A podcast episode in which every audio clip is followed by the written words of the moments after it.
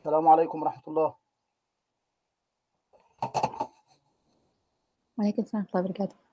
كيف حالك أخت نازش مي نازش ماذا؟ مساء والله. آه مثل ولا أنتِ ليس لست عربية اللسان أصلًا صح يا أخت نازش؟ نعم صحيح. ولكنك في المرة السابقة بسم الله ما شاء الله حينما سألت سؤالًا ومن عاد فينتقم الله منه يعني أنتِ من بينهم التي استطاعت أن تدرك أن هناك محذوفًا. وذلك لا يتأتى إلا لمن درس دراسة طويلة. الحمد لله. آه فلله الحمد. فقديمًا قالوا في النحو آآ آآ من لولا لولا النحو لولا الحذف والتقدير لفهم النحو كل الناس. يعني إن النحو يوجد فيه ما يسمى بالحذف والتقدير، وذلك هو الذي يجعل ال الناس تتفاوت فيما بينها في إدراك النحو. طيب هل معنا أحد غير أخت نازش؟ هناك ميساء؟ السلام عليكم ورحمة الله وبركاته. وعليكم السلام. ورحمة الله. هل معنا أحد نعم غيركم. غيركما؟ آآ أعتقد آآ فقط نحن. طب ننتظر دقيقة واحدة فقط. طب أخت نازش بما أنك تستطيعين التقدير، قال الله تعالى: "من الذين هادوا يحرفون الكلم عن مواضعه." هنا حذف، هل تستطيعين تقديره؟ ها؟ يعني من الذين هادوا أي الذين اتبعوا اليهودية. من الذين هادوا يحرفون الكلم عن مواضعه. هذا خبر، فأين مبتدأه؟ من الذين هادوا يحرفون الكلمة عن مواضعه. تفهمين معنى يحرفون؟ نعم، يعني يضعونها في مكان خاطئ. نعم، يبدلونها. التحريف إما تحريف بالكلام وإما تحريف في وضعها في غير موضعها. يعني إما مادي وإما معنوي. فالتقدير من الذين هادوا قوم يحرفون الكلم عن مواضعه. فقط يعني هذا يعني هذا يدل على يعني إمم. أن الإنسان يعمل عقله في تقدير المحذوف. يعني ليس بالضرورة أن يكون المحذوف شيئًا واحدًا يقدر تقديرًا واحدًا في جميع المحذوفات، بل الإعمال العقلي يجعل الإنسان يستطيع أن يقدر آآ آآ ما نوع ذلك المحذوف أو ما كيف يكون. طب في المرة السابقة كنا قد شرحنا أدوات الشرط، ومن يذكرنا بأدوات الشرط؟ أخ أيوب آآ أواني أوينا؟ أوينا. أخ أيوب؟ نعم، السلام عليكم ورحمة الله وبركاته. وعليكم السلام ورحمة الله، كيف حالك أخي الكريم؟ الحمد لله بخير وأنتم مولانا؟ ما هي أدوات الشرط يا مولانا؟ آآ يعني أمثلة على أدوات الشرط؟ ما هي؟ هي أدوات آآ هي أدوات يعني تجزم فعلين، يعني نعم. لم يك لم يكن هناك سبب ونتيجة نستعمل أدوات الشرط مثلًا كلما دخل عليها. طب وأيضًا ما هي أدوات الشرط؟ هل أستطيع الإجابة فقط دكتور؟ تفضلي أخت ميساء. إن، ما، مهما، متى، أيان، أي مهما أيضًا أن، حيثما، أينما. كيفما. آه. إن ومن وما إذا ومتى إذا لولا. نعم. آه نعم هذا أدوات الشرط. أدوات. الشرط كما قلنا في المرة السابقة هي قسمان، قسم يجزم وقسم لا يجزم. يعني أدوات الشرط هذه إما أن تجزم وإما أن لا تجزم، ولكنها في الحالتين تفيد جواب الشرط. تفيد الشرط، يعني لابد من تحقق فعل الشرط أولًا على لكي تتحقق النتيجة. إن تذاكر تنجح. من يعمل سوءًا يجزى به، يعني الجزاء على السوء لا يكون إلا بفعل السوء. هذا هو من يعمل سوءًا يجزى به. رُتِّب على الجزاء رُتِّب على ماذا؟ ترتب على ماذا؟ ترتب على الذي يعمل السوء، يعني من يعمل نتيجة، السوء نتيجة آه. العمل. أيوه نتيجة العمل. وإذا قلت إذا عملت سوءًا ف آآ إذا عملت سوءًا تجزى تجزى به بدون جزم. آآ الفرق بين إن وإذا، يعني إذا رأيت إن تجدها أداة شرط، وإذا أداة شرط. إن أداة شرط جازمة وإذا أداة شرط غير جازمة أداة شرط غير جازمة فما الفرق بينهما؟ الفرق بينهم أن إذا تستخدم في الممكن والذي من مم... الذي يعني يجوز حدوثه أو يكثر حدوثه. مثلا في قول الله تعالى إن تصبهم آه، إذا أصابتهم حسنة إن تصبهم سيئة آه، يفرحوا بها. آه، لا إذا أصابتهم حسنة في سورة الأعراف. يعني في الحسنة تكلم استخدم رب العزة جل وعلا أداة الشرط إذا. آه، فإذا جاءتهم الحسنة آه الآية آه فإذا. جاءتهم الحسنة قالوا لنا هذه. وإن تصبهم سيئة يطيروا يطير بموسى. موسى وعمر انظر في الحسنة قال إذا وعند السيئة قال إن. إذا أصابتهم حسنة قالوا لنا هذه. إذا أصابتهم حسنة. وإن تصبهم سيئة إن. لأن هذه إشارة من الله سبحانه وتعالى إلى أن حدوث السيئة قليل. ونادر. فلذلك قال إن تصبهم سيئة ولكن في الحسنة قال إذا أصابتهم إذا جاءتهم الحسنة قالوا لنا هذه يعني أن الله يأتيهم بالحسنات الكثيرة فاستخدم معها أداة الشرط إذا. يعني إذا جاءتهم الحسنة قالوا لنا هذه. إن تصبهم سيئة استخدم إن فإن تستخدم في الشيء النادر أو قليل الحدوث أما إذا فتستخدم في الشيء الذي يمكن حدوثه أو يحدث بكثرة. مفهوم ذلك الكلام؟ مثلا أنا أقول إن أخطأ ابني أعاقبه. يعني لما استخدمت إن معناها أن ابني هذا لا يخطئ إلا قليلا. أما إذا قلت إذا أخطأ ابني أعاقبه أعاقبه فإن إذا هنا أداة شرط تدل على أن خطأ الابن كثير هذا ما كنا نوده دكتور في المثال في سورة الزمر إن تكفروا فإن الله غني عنكم ولا يرضى لعباده الكفر وإن تشكروا يرضه لكم ولا تزر وازرة وزر أخرى. لأن الله قال وقليل من عبادي الشكور.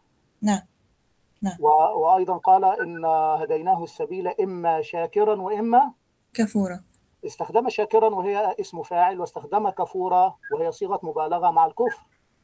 يعني ال ال الإنسان إذا ك- كفر أو كان كافرا لربه سبحانه وتعالى فإنه لا يكون كافرا فقط بل يكون شديد الكفر. وإذا أنعم الله عليه بنعمة وأراد أن يشكره فإن شكره قليل.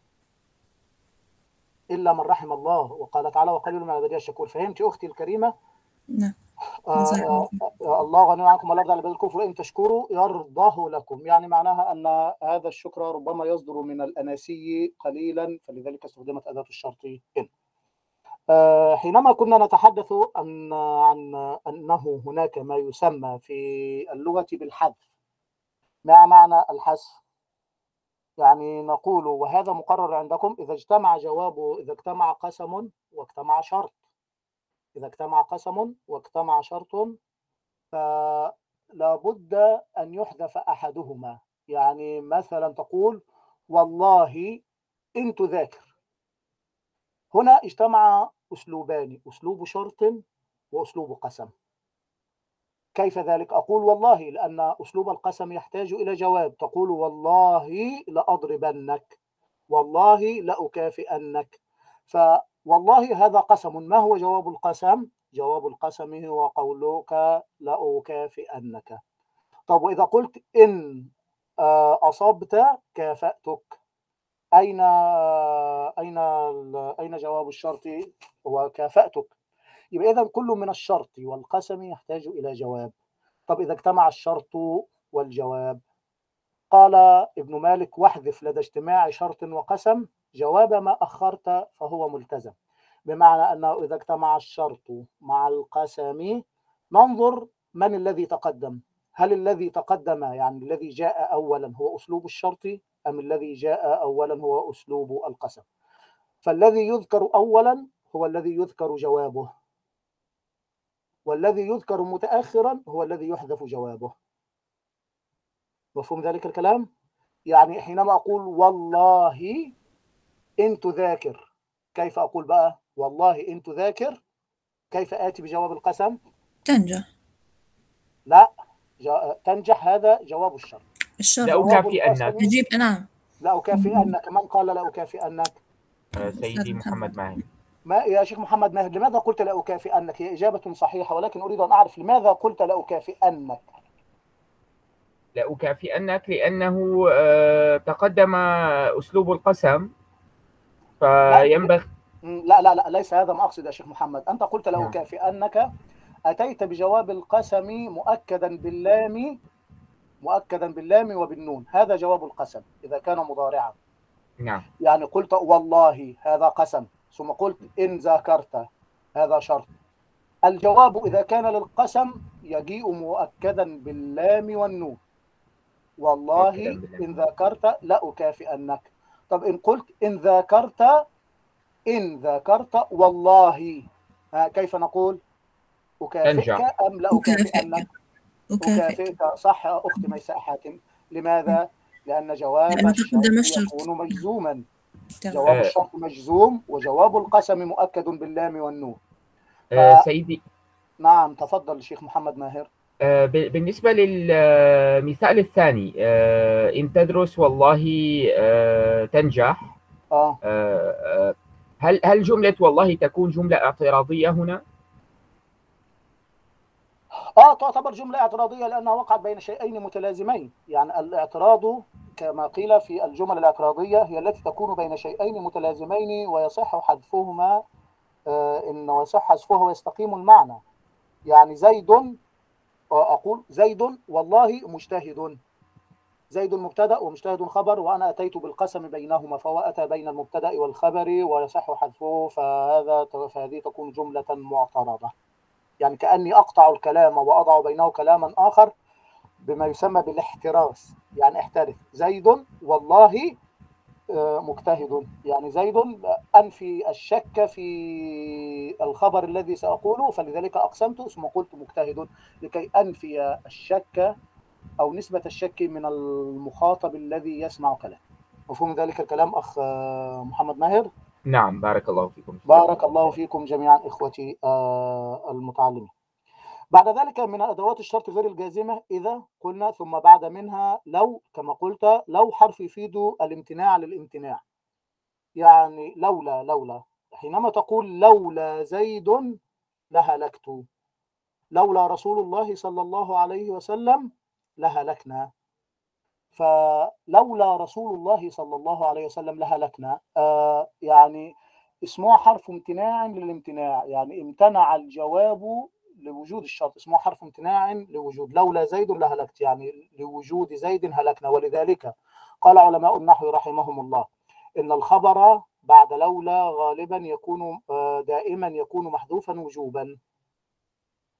الخبر بعد لولا يكون محذوفا. يعني قال تعالى لولا أنتم لكنا مؤمنين. اللولا هذه حرف امتناع لوجود هكذا تسمى. امتنع الجواب لوجود الشرط. فلولا أنتم لكنا مؤمنين. أنتم هذه مبتدأ. أين الخبر؟ محذوف تقديره موجود كما قال الشيخ محمد ماهر. طيب آه، آه، إذا قلنا لو لو فإنها حرف امتناع للامتناع. لو ذاكرت لنجحت. امتنع النجاح لامتناع لو امتناع النجاح الامتناعي المذاكرة. مذاكرة آه. آه. تحدثنا في المرة السابقة عن اقتران جواب الشرط بالفاء. من يذكر لي متى يقترن جواب الشرط وجوبا؟ ها؟ متى يقترن جواب الشرط بالفاء وجوبا؟ وقلت لكم بيت شعر يلخص الأحوال كلها. يبدو أنكم لا تذاكرون أخت نازش. هل تذكرين شيئا؟ آسف أستاذ لا أتذكر. يعني حينما قال في بيت الشعر اسمية طلبية وبجامد وبما ولن وقد وبالتنفيس. اسمية طلبية وبجامد وبما ولن وقد وبالتنفيس. اسمية يعني إذا كان جواب الشرط جملة اسمية يعني إن تذاكر فأنت مجتهد. أنت مجتهد هذه مبتدأ وخبر. ووقعت جوابا للشرط. فطالما وقعت جوابا للشرط وهي جملة اسمية عبارة عن مبتدأ وخبر فيجب أن تقترن بالفاء وجوبا. ولذلك سألتكم في قول الله تعالى ومن عاد فينتقم الله منه. لماذا اقترن جواب الشرط بالفاء رغم أنه فعل مضارع؟ وليس من الأشياء التي قلتها مما يجب فيها اقتران جواب الشرط بالفاء. يعني اسمية طلبية وبجامد وبما ولن وقد وبالتنفيس. فكلمة ينتقم ليست واحدة من هذه ورغم ذلك جاءت مقترنة بالفاء. أن هناك قلنا- لأن هناك محذوفا هو مبتدأ. فهذه جملة يعني إشارة من الله سبحانه وتعالى والله تعالى أعلى وأعلم طبعا يعني إلى أن هذه جملة اسمية. أي ومن عاد فحاله أو فشأنه أو فهو ينتقم الله منه. فجملة ينتقم الله منه نقول ينتقم فعل مضارع مرفوع والله لفظ الجلالة فاعل والجملة من الفعل والفاعل في محل رفع خبر محذوف. ما الذي جعلني أقدر أن هناك مبتدأ محذوفا؟ لو- لوجود الفاء. هذه الفاء لا تقترن إلا إذا كان الجواب الشرط جملة اسمية. فإذا كان جملة اسمية اقترنت بالفاء. مفهوم ذلك الكلام؟ فوجود الفاء دلك على المحذوف. طيب. آه التنفيس. ما هو التنفيس؟ التنفيس هو السين وسوف حينما أقول مثلا نأخذ نماذج للإعراب كما هو عندكم يقول إن تتقن الصناعة إن نتقن الصناعة فسوف يقبل عليها الناس. من يستطيع أن يعرب ها. نقول إن إن إن حرف شرط جازم؟ ممتاز. إن حرف شرط جازم لأن أدوات الشرط كلها أسماء وطالما هي ما عدا إن وطالما هي أسماء فهي لابد أن يكون لها موقع إعرابي. تذكرون المرة السابقة حينما قلت لكم كيف تعربون أسماء الشرط وأسماء الاستفهام؟ تذكرون؟ يبدو أنكم لا تذاكرون. آه. حينما أقول من رأيت ما إعراب من؟ شيخ أيوب مفعول به. نعم. مفعول آه به. مفعول به. أخت نعم. نازش لماذا هي مفعول به؟ بالإجابة. كيف الإجابة؟ بالتقدير يعني. أيوة يعني إذا قلت من رأيت؟ ما إجابتك؟ رأيت زيدا. رأيت يبقى فلانا. رأيت فلانا ففلانا هذه أجيب بها عن كلمة من. صح؟ نعم. نعم. ففي الإعراب نقول من رأيت؟ حينما أقول من رأيت فمن هذه نقول اسم. استفهام مبني في محل نصب مفعول به مقدم. لابد أن أذكر كلمة مقدم لأن أدوات الشرط والاستفهام لها الصدارة في الكلام.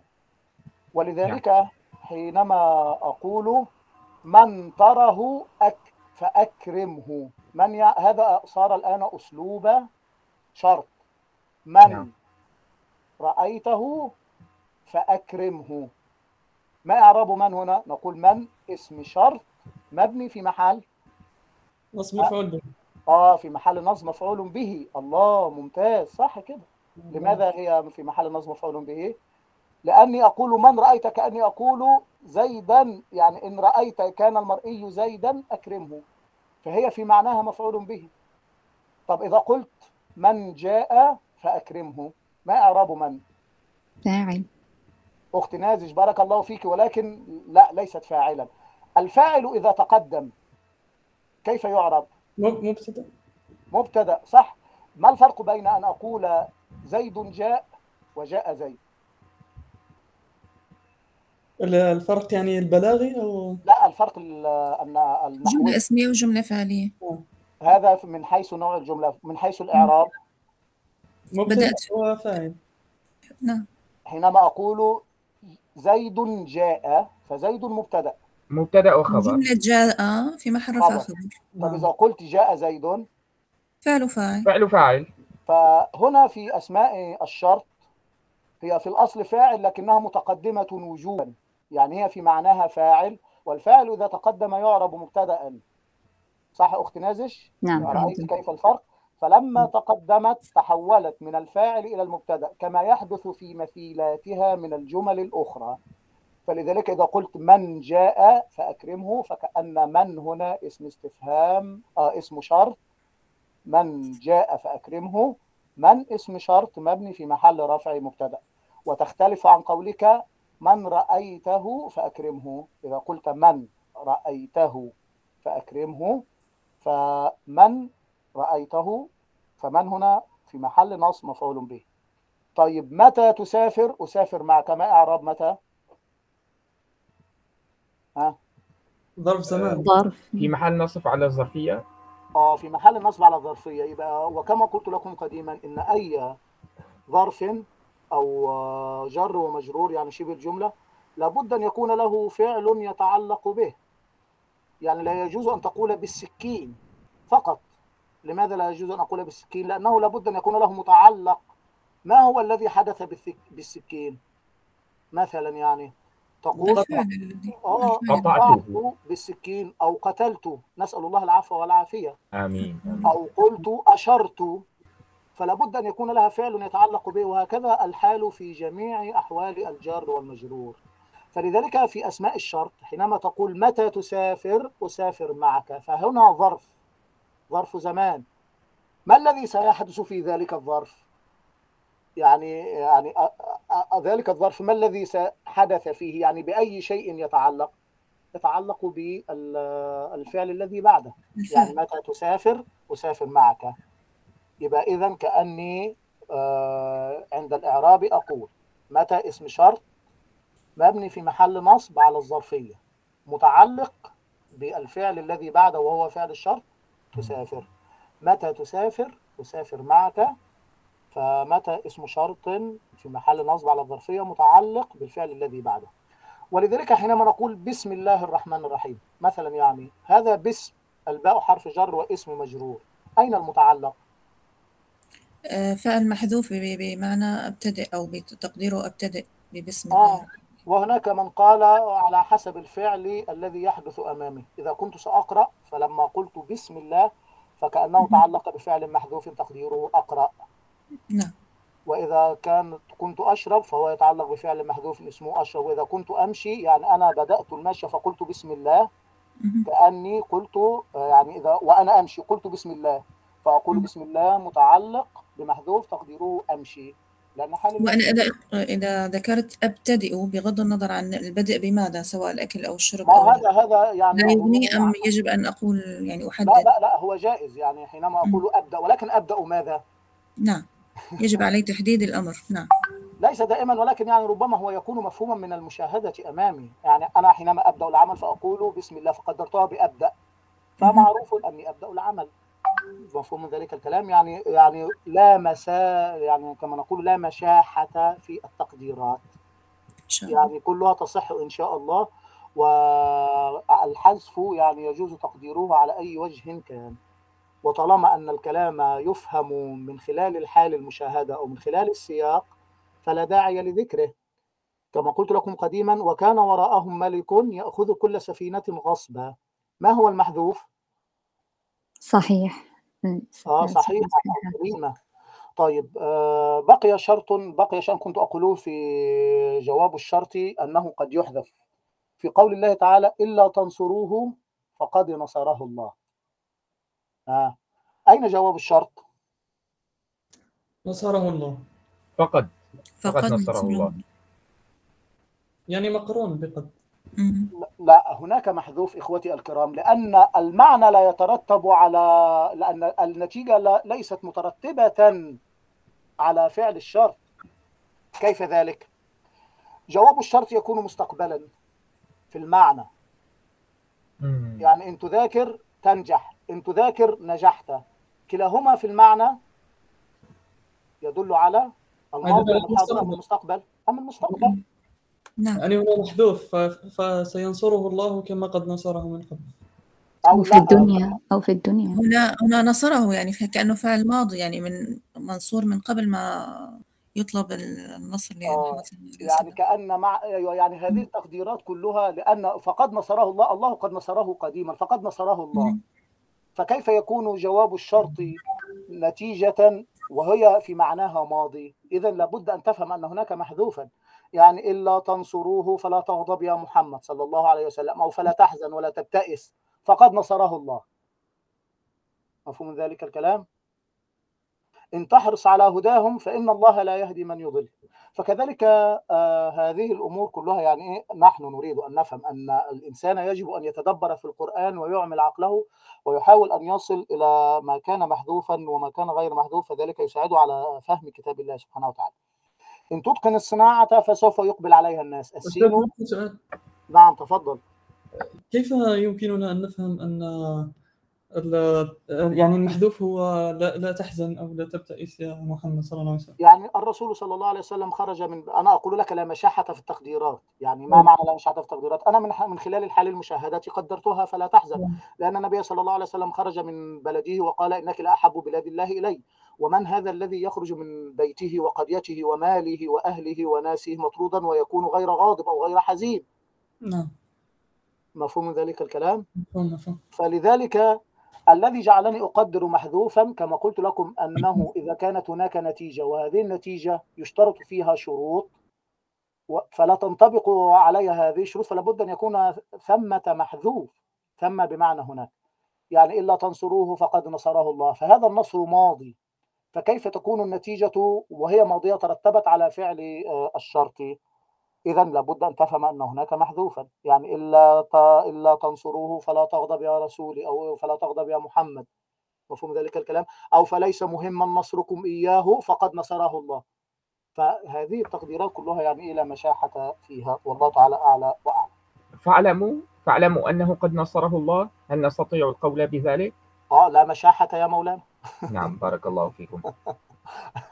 يعني كما نقول وكان وراءهم ملك يأخذ كل سفينة من الممكن كما قدرتها أخت نازش صحيحة وأنا أقدرها سليمة وغيرك يقدرها غير معيبة لأنه قال بعدها فأردت أن أعيبها. مفهوم ذلك الكلام؟ فكلها في نعم. معنى واحد. بارك الله فيكم نعم. بارك الله فيك وإياك يا مولانا. آه، نأخذ أسلوب الشرط وشواهده من القرآن الكريم. قال تعالى إن يريد إصلاحا يوفق الله بينهما. أين الشرط وأين جوابه؟ يريد إن يريد يريد.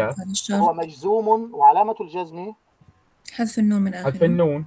لأنه من الأفعال الخمسة. الخمسة. وأين الفاعل؟ آه، يريدا آه، شو تتمت الآية؟ أن يريدا إصلاحا. آه، أخ أحمد طلعت لم يشارك معنا منذ بدأنا اللقاء. ألف الاثنين ألف الاثنين. بارك الله فيك أخ أيوب. أخ أيوب ماذا يا شيخ أيوب؟ مع حضرتك مستمع يا دكتور. عاوينا عاوينا ماشي يا شيخ أحمد ماشي يا شيخ أحمد لكن يعني اشترك معنا فهذا يساعد على شدة الانتباه طب وأين جواب حاضر. الشرط في قوله تعالى يوفق الله يوفق القاف عليها كسرة أين جواب الشرط؟ آه، حركت بالكسر للتخلص من التقاء الساكنين ممتاز يبقى جواب الشرط هو يوفق مجزوم وعلامة مجزوم. الجزم السكون السكون. المقدر هكذا يقال في الإعراب أخت ميساء علامة الجزم السكون المقدر على آخره منع من ظهوره التحريك الذي أتي به أو الكسر الذي أتي به لأجل التقاء الساكنين. ما بنقدر نقول دكتور إنه آه، يوفق آه، فعل آه، جواب الشرط مبني على السكون. ما بنقول الظاهر هون بنقول وحرك بالكسر للتخلص من التقاء الساكنين. ولماذا يبنى يا أختي؟ الفعل المضارع يبنى في حالتين. نعم نعم. وفعل أمر مجزوم. نعم مجزوم. يعني كما قال ابن مالك وفعل أمر ومضي بني وأعرب مضارعا إن عريا من نون توكيد مباشر ومن نون إناث كيرعن من فتن يعني مم. معنى ذلك الكلام أن فعل المضارع لا يبنى إلا إذا اتصل به نون التوكيد أو نون النسوة. وهذا فعل لم يتصل به لا نون توكيد ولا نون نسوة. نعم إذا فهو معرب. وما موقعه من الإعراب؟ جواب الشرط. وجواب الشرط يكون مجزوما. والجزم يكون بالسكون. وهنا أتى لم يأتي السكون بل أتى الكسر. يبقى إذا الإعراب نقول هو فعل مضارع فعل جواب الشرط مجزوم وعلامة الجزم السكون. هل السكون ظاهر أم غير ظاهر؟ غير نقول. هو غير ظاهر. يبقى نقول علامة الجزم السكون المقدر على آخره. لماذا قد قدر السكون على آخره؟ نقول لأجل الكسر المأتي به لالتقاء الساكنين. نعم أنا هي الآخر الفكرة الأخيرة عندي إياها جديدة. طب ب... ب... وأيضا حينما نقول جاء زيد في اللغة العربية لا يوقف على متحرك فما إعراب زيد بالسكون؟ جاء زيد. جاء زيد هي لا بالأصل لا يوقف على متحرك في اللغة العربية نعم. أختي الكريمة نحن نقول نعم. قل أعوذ برب الفلق لا أقول الفلقي لكن هذه قراءة ولكن ال... نعم نحن نقرأ. ولا وليست القراءة يعني إحنا لا نعرب على ما نقرأ. يعني أنا كيف أقول هو فاعل مرفوع؟ أنا أقول جاء زيد. هذا زيد فاعل مرفوع على رفع الضمة فأين الضمة؟ لأن اللغة العربية لا يوقف في على متحرك فأقول هو فاعل مرفوع وعلامة الرفع الضمة المقدرة على آخره منع من ظهورها السكون المأتي به لأجل الوقف. أيوة، هكذا يقال نعم. يعني لما بدنا نكون آه، بدنا نقرأ بحالة القراءة بده يكون ال- الإعراب آه، يختلف عن حالة الكتابة. نعم نعم أختي الكريمة. أها. يعني نقرأ أنا أقف أقرأ بالسكون وقفت على السكون. فأقول هو. فاعل مرفوع الضمة المقدرة منع من ظهورها السكون. ولماذا أتى السكون؟ لأجل الوقف. يبقى ما ما فاعل مرفوع بالضمة المقدرة منع من ظهورها السكون المأتي به لأجل الوقف. مفهوم تمام. ذلك الكلام؟ نعم مش مشكور جز- جزاك الله خير إياك أختي الكريمة. نحن كما أقول لا نريد أن ندرس كلاما ومنهجا ونذاكر فيه وفقط بل أريد أن تصل إلى مرحلة النحو. أريد أن تضع يدك على الأساسيات على أساس النحو. ثم بعد ذلك إذا انطلقت في كتب النحو تستطيع أن تفهم. ليس الغرض أن نأخذ المنهج وفقط ونمتحن ونأخذ الشهادة كلا بل نريد أن نتعلم علما ونيتنا فيه خالصة. هي تدبر القرآن الكريم. والقرآن الكريم باللغة العربية ولن نفهمها إلا عن طريق النحو والصرف والبلاغة العلوم العربية. فندرس النحو والصرف لنتدبر في كتاب الله سبحانه وتعالى. مفهوم ذلك الكلام؟ طيب. قال تعالى إن تطع أكثر من في الأرض يضلوك عن سبيل الله. ما أعرب إن تطع أكثر من في الأرض يضلوك؟ أين جواب الشرط؟ يضلوك. مجزوم علامة الجزم؟ حذف النون لأن مضارعهم لأنه من الأفعال الخمسة.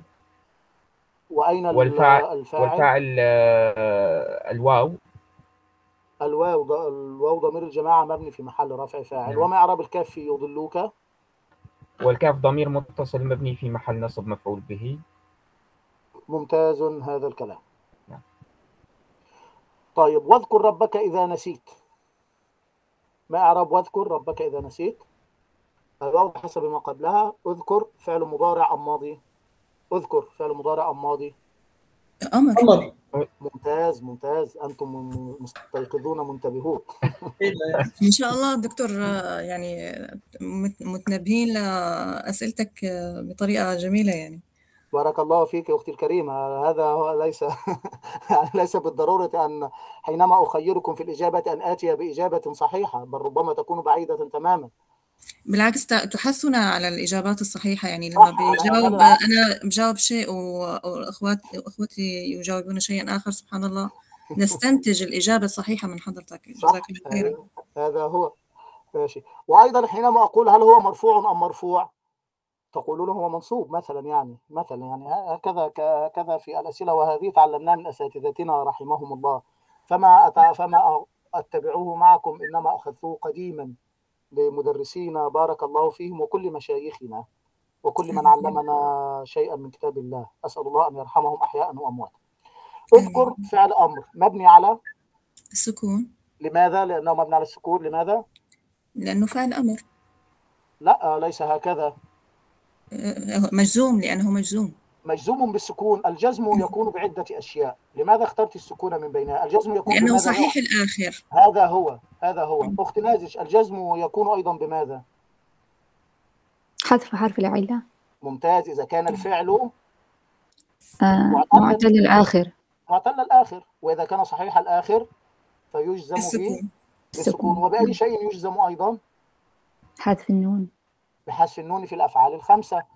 وهناك حالة أخرى يبنى فيها ال- الأمر على السكون وعلى الفتح. نون النسوة نون عند النسوة اتصاله بنون النسوة. نعم عند عند اتصال اتصاله بنون النسوة يبنى على السكون الفتح. على- على السكون.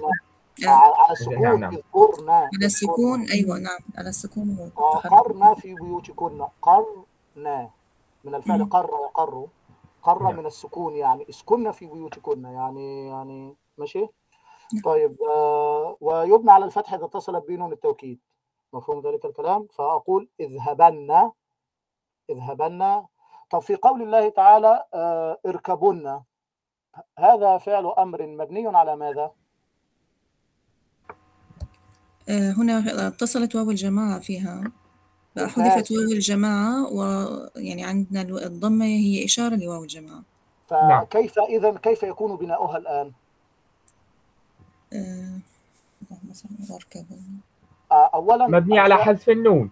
ممتاز بارك الله فيك أخ محمد ماهر. لأننا نقول ال- ال- الأمر قطعة من المضارع إلا أنه مبني.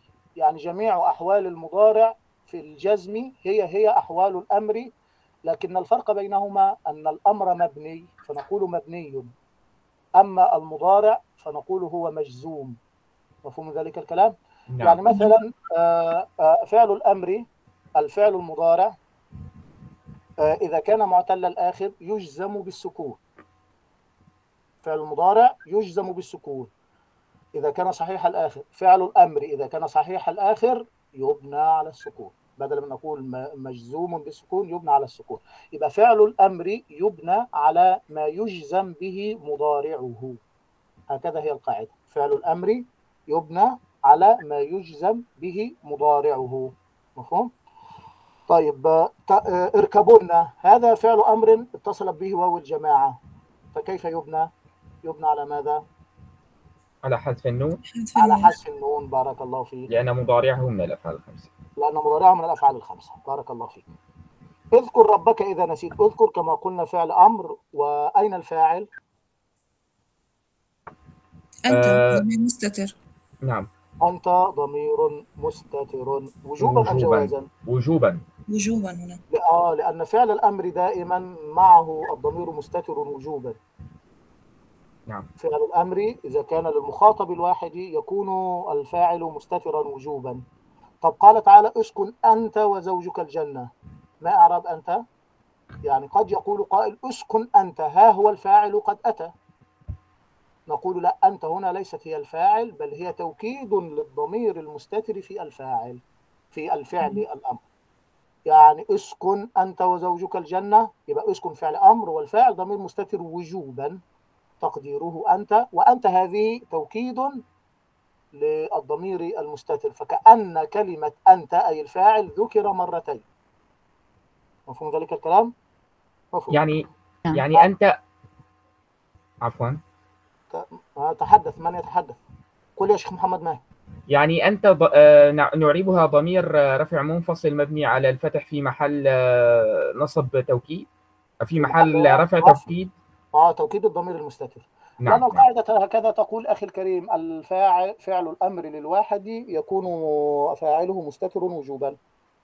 طيب. وفعل الأمر فاعله مستتر جوازا. طب والفعل المضارع؟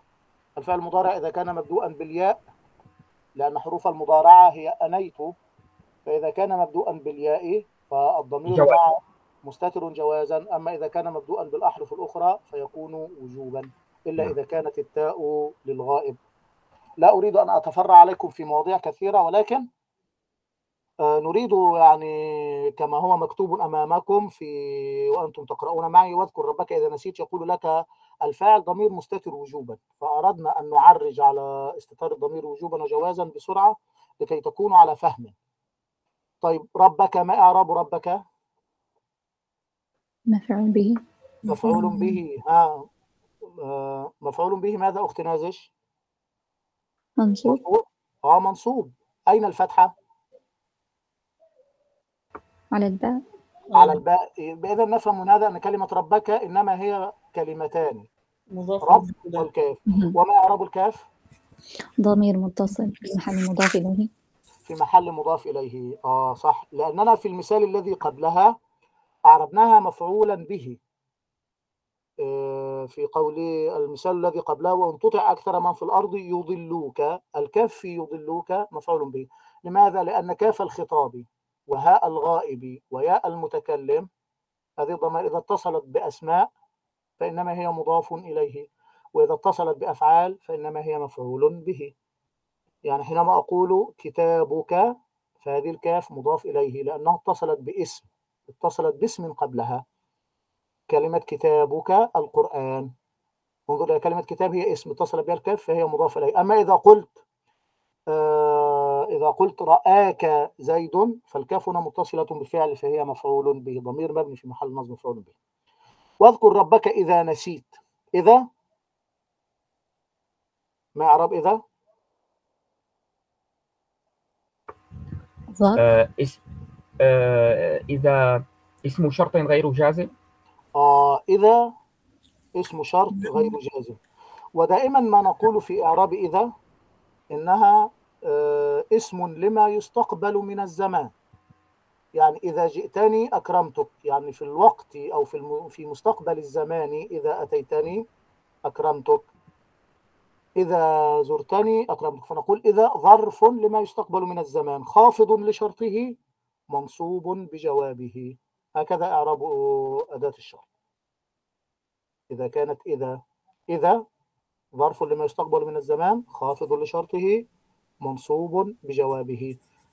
وهي من الأشياء التي تلازم الإضافة للجمل. طبعا طالما قلنا إنها اسم شرط فلا بد أنها تحتاج إلى فعل شرط وجواب شرط. مفهوم ذلك الكلام؟ وأين يكون جواب الشرط؟ هل جواب الشرط يكون قبل اسم الشرط أم بعده؟ يكون بعده. مفهوم ذلك الكلام؟ يعني الترتيب الطبيعي لجملة الشرط. ما هو؟ نقول نبدأ بفعل الشرط بأداة الشرط ثم بفعل الشرط ثم جواب الشرط. هذا هو الترتيب. إن تذاكر تنجح. إن تذاكر تنجح بالسكون. إن أداة شرط تذاكر فعل الشرط مجزوم تنجح جواب الشرط مجزوم. طب كيف قولك إذا قلت تنجح إن تذاكر؟ ما أعرب تنجح؟ الآن قد قدمت. قلت تنجح إن تذاكر. فعل مضارع مجزوم يعني. يبقى جواب شرط. لماذا هو لماذا ما الذي جزمه يا مولانا؟ لأنه جواب شرط. لا يا مولانا الفعل الفعل المضارع آه، يرفع إذا تجرد من الناصب والجازم. وهنا ليس قبله لا ناصب ولا جازم. آه، ماذا يقول بيت ابن مالك في الفعل؟ لا لا يحضرني البيت الآن ولكن آه، بيت الشعر من الألفية. لكن ماشي ليس المهم. لكن إننا نقول إن الفعل المضارع يجزم إذا سبقته أداة جزم. يجزم إذا سبقته أداة جزم. يرفع إذا سبق آه، ينصب إذا سبقته أداة نصب. طب وإذا لم يسبق لا بناصب ولا بجازم فهو مرفوع. هنا في قولنا تنجح إن تذاكر. تنجح هذا ليس قبله لا جازم ولا ناصب فهو فعل مضارع مرفوع. وعلامة الرفع الضمة. إن أداة شرط تذاكر تنجح. إن تذاكر تذاكر. فعل مضارع فعل الشرط مجزوم. بقي ماذا لنا من أسلوب الشرط؟ بقي الجواب. جواب. آه يكون محذوفا وبما أقدره أقدره بما ذكر قبله. آه يبقى لما كأني قلت تنجح إن تذاكر كأني قد ذكرت جزاء الشرط مرتين وفي هذا توكيد. يعني تنجح إن تذاكر تنجح. مفهوم ذلك الكلام؟ يعني هون الضمة يجب أن تكون آه، ظاهرة الفعل يجب أن تكون ظاهرة. تنجح إن تذاكر. أيوة، ولذلك أنا تعمدت أن أقولها وقفت على قلت نعم، بالتسكين. ووقفت بالتسكين. مم. آه وقفت عليه بالتسكين لأنظر. يعني هذا فعل ليس قبله ناصب ولا جازم. ماذا يقول البيت؟ البيت يأتي إلى ذهني ويذهب. ويذهب. يا إن شاء الله بيجي إن شاء الله يعني إن شاء الله بإذن من أين يا واذكر ميساء ربك إذا نسيت. لا إله إلا الله محمد رسول الله. لا يعني أنا أود الحديث بالفصحى أخت ميساء من, من أي بلاد أنت؟ من دمشق. آه دمشق سوريا هذه اللهجة يعني آه، آه، آه، أعرفها. لكن آه، رجاء يعني أنتم لأن الفصحى يعني أحبها حبا عظيما يعني. بإذن الله. آه فهنا اذكر ربك إذا نسيت. يبقى جواب الشرط محذوف. والذي أتى قبله يدل عليه. ولماذا يعني ما الذي يجعلنا نقدر؟ لماذا نقدر؟ نقول لأن هذا هو الترتيب الطبيعي للجملة. يأتي فعل الشرط ثم جواب الشرط. ومن قبلهم الأداة. فإذا ما رأيت أحدهما متقدما فلا بد أن يكون الجواب محذوفا. مفهوم ذلك الكلام؟ مفهوم. هذه قواعد وضعناها ونسير عليها. وهذا ما يسمى في النحو بالصناعة النحوية. يعني الصناعة النحوية. يعني الصناعة هي التي اقتضت أني أقول أني أقول هذا أنا أقول هناك محذوف. يعني في قولنا حينما أقول جاء زيد وزيد جاء. المعنى واحد. المعنى واحد ولكن في الإعراب يختلف. تقول جاء زيد فعل وفاعل. طب زيد جاء مبتدأ وخبر. ولكن العرب كانوا يفهمون أن قولك زيد جاء تؤكد أكثر من قولك جاء زيد. لأن الفاعل قد ذكر مرتين. مرة حينما جاء ظاهرا ومرة حينما جاء مستترا. أما حينما نقول مبتدأ وفاعل فهذا ما يسمى بالصناعة النحوية. طيب واذكر ربك إذا نسيت قلنا نسيت فعل ماضي آه، فعل الشرط. ما موقعه الإعرابي؟ نحن قلنا إن إذا من الأشياء التي تلازم الإضافة للجمل. فنقول نسيت فعل جملة فعلية في محل جزم مضاف إليه آه، في آه، في محل جر في محل جر مضاف إليه. وأين الجواب؟ الجواب محذوف تقديره. واذكر ربك إذا نسيت فاذكر ربك. فكأن الله يأمرك بذكره مرتين. مفهوم؟ طيب. قال تعالى وما أنت بمؤمن لنا ولو كنا صادقين. أين الله؟ الله بارك الله فيك يا شيخ محمد ماهر. يا مولانا يعني اقرأ وستتعلم. ولو قرأت وغصت لسجدت لله شكرا. والله يعني تدرك أن هذا القرآن الكريم إنما هو من عند الله لا يستطيعه بشر. اقرأوا وتعلموا العلم إنما يخشى الله من عباده العلماء. سبحانه سبحانه سبحانه.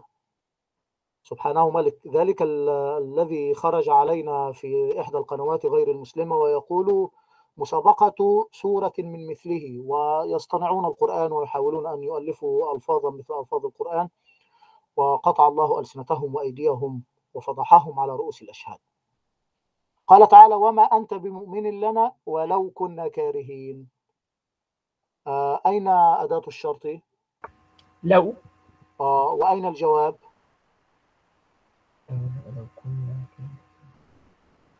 محذوف. ولو كنا وما أنت بمؤمن لنا ولو كنا صادقين فلست بمؤمن لنا. نعم. يعني وما أنت بمؤمن لنا ولو كنا صادقين. أي ولو كنا صادقين فلست بمؤمن لنا كذلك. نعم. توكيد. أيوة توكيد. مفهوم ذلك الكلام. آه وكأنهم يبالغون في آه، آه، أيوة في- لأنهم قد أتوا بالقميص أتوا بالقميص يبكون نعم. عشاء والقميص غير مقطع. يعني نعم. نظر يعقوب عليه السلام في قميص ولده فرآه ملطخا بالدم لكنه لم يتقطع فتعجب أي ذئب هذا الذي يأكل صاحب القميص دون أن يقطع القميص بأنيابه فلذلك سبحان قال وفي الثانية قالوا وإنا لصادقون يا مولانا الثانية أين؟ آه، ما نص عند الآية؟ عند عند ضي... آه، إن ابنه عند كان أخذ أخوهم آه. عندما أخذ أخوهم وقالوا وإنا لصادقون الثانية في في, في في الثانية الموقع الثاني في يا, يا أبانا إن ابنك سرق وما شهدنا إلا بما علمنا وما كنا للغيب حافظين واسأل القرية نعم. التي كنا فيها والأرض التي أقبلنا فيها وإنا لصادقون. صدقت أخي الكريم. وإنا لصادقون. في هذه المرة أتوا بإن إنا لصادقون. أتوا بإن واللام. يؤكدون أكثر. نعم سبحان الله. لأنهم كانوا صادقين فعلا. لأنهم صادقون في هذه المرة فعلا. أه؟ يعني القرآن الكريم إله هو الذي أنزل هذا القرآن إله يعني سبحانه. قال تعالى ذلك ومن يعظم حرمات الله فهو من؟ خير له عند ربه. ما يعرب من؟ حرف شرط جازم؟ اسم شرط جازم مبني على ليست السكون حرفا بل هي حرف. اسم. نعم. شرط مبني في نعم. محل. مبتدأ مبتدأ ممتاز. نعم. ممتاز أخي الكريم. أنتم الآن قد آه، يعني صرتم يعني إيه أظن يعني إيه فهمتم ما أريد أن أوصله لكم من المعلومات. يعظم فعل الشرط فهو خير له. ما إعراب هو؟ مبتدأ. وخير. آه. خبر. خبر. لماذا كان جواب الشرط بالفاء هنا؟ منهج اسمية. اسمية. اسمية. اسمية. طلبية وبجامد وبما ولن وقد وبالتنفيس. اسمية طلبية وبجامد وبما ولن وقد وبالتنفيس. طيب في قوله تعالى ومن يبتغي غير الإسلام دينا فلن يقبل منه. أين جواب الشرط؟ أين فعل الشرط؟ يبتغي. يبتغي. طبعا من هنا مبتدأ. طبعا يعني من يبتغي غير الإسلام دينا ما إعراب غير يبتغي فعل مضارع فعل الشرط مجزوم علامة الجزم. حذف حذف حرف العلة حرف من. آخره. حذف حرف العلة لأنها يبتغي. طب في قول الله تعالى قال ذلك ما كنا نبغ لماذا حذفت الياء وليس قبله جازم أو ناصب أخت نازش هل عندك علم؟ هل يمكن أن تكرر الآية؟ آه قال ذلك ما كنا نبغ. فارتد على آثارهما قصصا في سورة الكهف.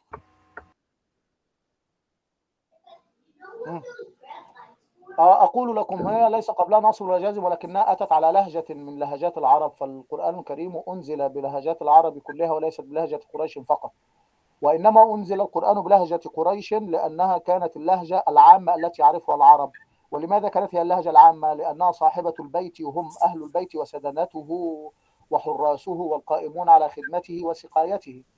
فلذلك كان كل العرب يذهبون إلى ذلك البيت الذي يعظمونه للحج وقريش هي القائمة عليه فكانوا كلهم يفهمون لغة قريش أو لهجة قريش. وكانت قريش تنتقي من تلك اللهجات أفضل الكلمات وأعذبها وأكثرها سلاسة. فلذلك جاءت لغة لا كانت لهجة قريش من أحسن اللهجات وأفضلها وكانت معلومة لدى جميع العرب فأنزل القرآن الكريم بلهجة قريش. ولكن ذلك لم يمنع أن ينزل القرآن الكريم أيضا وفيه بعض الأمور من اللهجات الأخرى كما في قوله تعالى قال ذلك ما كنا نبغ أي ما كنا نبغ على لهجة هذيل كما قيل. وفي أيضا بسم الله مجريها ومرساها أنزل بالإمالة ولم ينزل على لهجة قريش التي لا تميل. مفهوم؟ طيب. آه، في قول الله تعالى نعم. كيف نعربها سيدي؟ نبغي. نقول فعل مضارع مرفوع علامة الرفع الضمة المقدرة على الياء المحذوف نعم نعم. مفهوم؟ جميل. بارك الله طيب من يبتغي غير الإسلام؟ ما إعراب غيره؟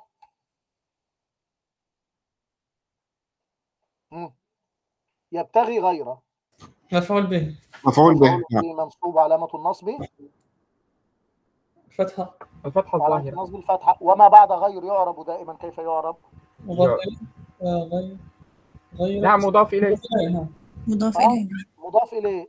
مضاف إليه. مضاف إليه. دينا. تمييز. تمييز. نعم. آه وب- بعدما التمييز. دل على مغيرة كما تقول إن لنا غيرها إبلا وشاء. فإبلا هذه تمييز. مفهوم ذلك الكلام؟ دلت على بعد مغيرة فإن التمييز نوعان تمييز تمييز محول وتمييز غير محول أو تمييز ملفوظ وتمييز ملحوظ. فالتمييز يعني هذا سندخل في لا نريد أن نطيل عليكم ولكن دينا هذه جاءت بعدما دل على مغايرة فتعرب تمييزا. طيب فلن يقبل منه. لماذا دخل جواب الشرط على كلمة لن؟ لن. يقترنها بلن لأن جواب الشرط مصدر بلن وكما قلت لكم اسمية طلبية وبجامد وبما ولن وقد وبالتنفيس. وبما ولن وقد وبالتنفيس.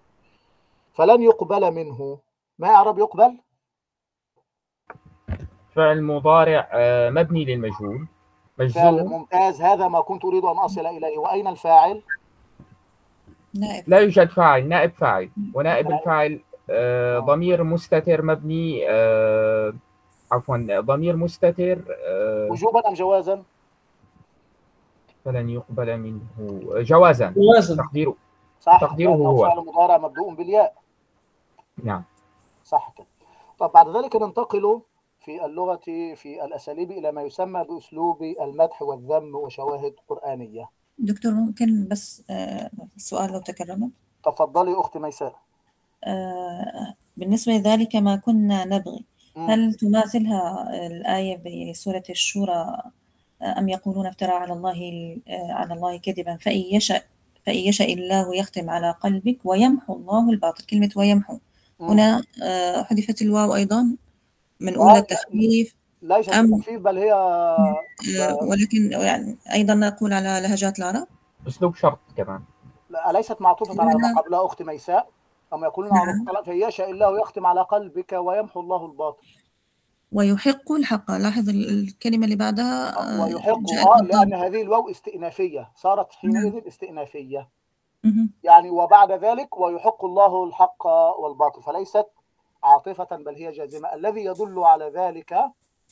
آه، أنها جاءت مرفوعة فكأنه يبتدئ كلاما جديدا. يعني كما قال تعالى "ل- لنبين لكم ونقر في الأرحام ما نشاء. إلى أجل مسمى ثم نخرجكم طفلا ثم لتبلغوا أشدكم. انظري إيه؟ انظري إلى قوله تعالى لنبين لكم. يعني بعد أن تحدث الله عن مراحل خلق الإنسان قال لنبين لكم. فاللام لام التعليل ونبين فعل مضارع. منصوب باللام منصوب بأن مضمرة ووجوبا منصوب بأن مضمرة جوازا بعد اللام. ونبين والفعل ده مستقبلون نحن. يبقى إذا نبين فعل مضارع منصوب. هذا هو الشاهد منصوب. ثم قال ونقر. يبقى إذا هذه كأنها بداية جديدة. يعني الله سبحانه وتعالى حينما بين لكم مراحل خلق الإنسان كان ليبين لكم. ثم يستأنف كلاما جديدا فيقول ونقر في الأرحام ما نشاء إلى أجل مسمى. يعني المعنى يختلف آه لو كانت الواو عاطفة يختلف عن لو كانت الواو استئنافية. يعني نعم. حينما أقول أنا أذاكر لأنجح وأصلي أنا أذاكر لأنجح وأجتهد لله. نعم فضيلة الدكتور أنا فهمت هذه الفكرة ولكن هنا أنا مقصدي من الك- السؤال مم. هنا آه، مرفوعة بالضم ولا حذفت ويمحو حذفت الواو الواو أختي الكريمة للتخلص من مجزوم. التقاء الساكنين؟ لا هي مجزومة على ما قبلها انظري إن أداة جزم يشأ فعل مضارع مم. جواب الش... فعل الشرط. يختم. نعم. يختم جواب الشرط مجزوم. ويمحو معطوفة عليها. مهم. طيب معطوفة ويحق. آه. هي هي اللبس اللي صار عندي آه، من كلمة ويحق آه اللبس لأن هذه الواو لا نقول ليست عاطفة. بل هي استئنافية. يعني أبتدئ كلاما جديدا. ويمحو الله الباطل آه انتهى ذلك الكلام. إن يشاء الله يختم على قلبك ويمحو الله الباطل. ثم. يقول الله ويحق الله الحق بكلماته. يعني. ليست هي مترتبة. لو كانت معطوفة على جواب الشرط لكان المعنى إن يشاء الله. ماذا يفعل؟ يختم على قلبك. وماذا يفعل أيضا؟ ويمحو الله الباطل. وماذا أيضا؟ ويحق الله الحق بكلماته. بإذن مم. كأن المعنى أن الحق غير محقوق ولكن الله إذ إن شاء يحقه. لكن ليس المعنى كذلك. المعنى أن الله دائما يحق الحق بكلماته فهو ليس مترتبا ليس جزاء. آه، على ما قبله. نعم. ليس آه ال- الذي قبلها جزاءات. يعني إن يشاء يختم ويمحو. ولو كانت يحق معطوف عليها لكان المعنى إن يشاء يختم ويمحو ويحق. إذا الواو آه، قبل و آه، ويمحو هنا حتكون عاطفة. والواو قبل ويحق استئنافية. استئنافية. كما. قلت نعم. لنبين لكم ونقر. لنبين لكم ونقر. انظري كيف يقولون عطف مرفوعا على منصوب. لا ليس ليس عطف مرفوعا على منصوب بل هو استئناف لكلام جديد. يعني كأن الكلام السابق قد انتهى. والآن أبدأ كلاما جديدا. قال ونقر في الأرحام ما نشاء. نعم. الآن زال اللبس جزاك الله خيرا. فضيلة الدكتور هل من سؤال آخر قبل أن ننتقل إلى أسلوب المدح والذم؟ آه أسلوب المدح يستخدم في ال- المدح نعمة وحبذا ويستخدم في أسلوب الذم آه، بئس ولا حبذا. وكذلك يستخدم في هذه قاعدة آه، يستخدم في المدح والذم من كل فعل من كل فعل ماضي بأن أحوله إلى وزن فعل فعل فيصير حينئذ معناه دالا على المدح والذم. يعني أقول حبذا زيد أو ونعم زيد. مفهوم ذلك الكلام؟ مفهوم؟ نعم زيد يعني نعمة الخصال زيد هذا نعم الرجل زيد. يعني الخصال التي في الرجال كلها قد جمعت في شخص زيد. فال هنا في نعم الرجل تسمى ال الجنسية أي التي جمعت جميع أفراد الجنس. فكأني حينما مدحت زيدا مدحته مرة بنفسه ومدحته مرة من خلال كل الصفات الموجودة في جنس الذكور أو في جنس الرجال فجمعتها فيه. وكذلك إذا قلت كرم زيد فتحول حينما أقول كتب زيد فكأنها صيغة مدح لزيد من حيث الكتاب لأن الفعل أصله كتب أما إذا حولتها إلى صيغة كتب وكذلك مثلا حينما فقه وفقه وفقها فقه زيد. إذا قلت فقه زيد فهو قد فهم المسألة أما إذا قلت فقه زيد فهذا أسلوب مدح. أكرم بزيد هذا أسلوب تعجب. آه بارك الله فيك يا أخ. آه، لم أستطع أن ألحق. طيب يبقى إذا نفهم من هذا أن أسلوب المدح هو نعمة وحبذا وأسلوب الذم بئس بئس ولا حبذا. مما يتكون أسلوب المدح يتكون من الفعل والفاعل والمخصوص بالمدح. من الفعل نعمة الفاعل الرجل المخصوص بالمدح أو الذم هو زيد. نعمة الرجل زيد. طب الله تعالى حينما يتحدث عن أيوب عليه السلام فقال نعم العبد. آه، هل ذكرت جميع أركان المدح هنا؟ لا آه يبقى إذا هناك محذوف. ما تقديره؟ أيوب. آه أيوب نعم العبد أيوب. أيوة. نعم العبد إنه أواب لأن الآية في أولها تقول واذكر عبدنا أيوب واذكر عبدنا أيوب إذ نادى ربه أني مسني الشيطان بنصب وعذاب اركض برجلك هذا مغتسل بارد وشراب ووهبنا له أهله مثل رحمة منا ذكر للألباب وخذ بيدك ضغط فاضرب به ولا تحنث إنا وجدناه أي أيوب صابرا. نعم. العبد. نعم العبد أيوب. لماذا؟ إنه أواب. هو آه القرآن الكريم. القرآن. القرآن لقد كان في قصصهم عبرة. يعني والله يعني راحة راحة عظيمة. إذا قرأ الإنسان القرآن بتدبر وتأمل وما أحلى أن يبكي الإنسان بين يدي الله وهو يقرأ كتاب الله. كان سيدنا أبو بكر يعني رجلا أسيفا وإنه لما مرض النبي صلى الله عليه وسلم ودخل للصلاة آه، قال مروا أبا بكر أن يصلي بالناس حضرت الصلاة والنبي من مرضه لا يستطيع أن يقوم للصلاة. فقال مروا أبا بكر فليصلي بالناس. فقالت السيدة عائشة يا رسول الله إن أبا بكر رجل أسيف متى يقم مقامك يرق؟ متى يقم مقامك يرق؟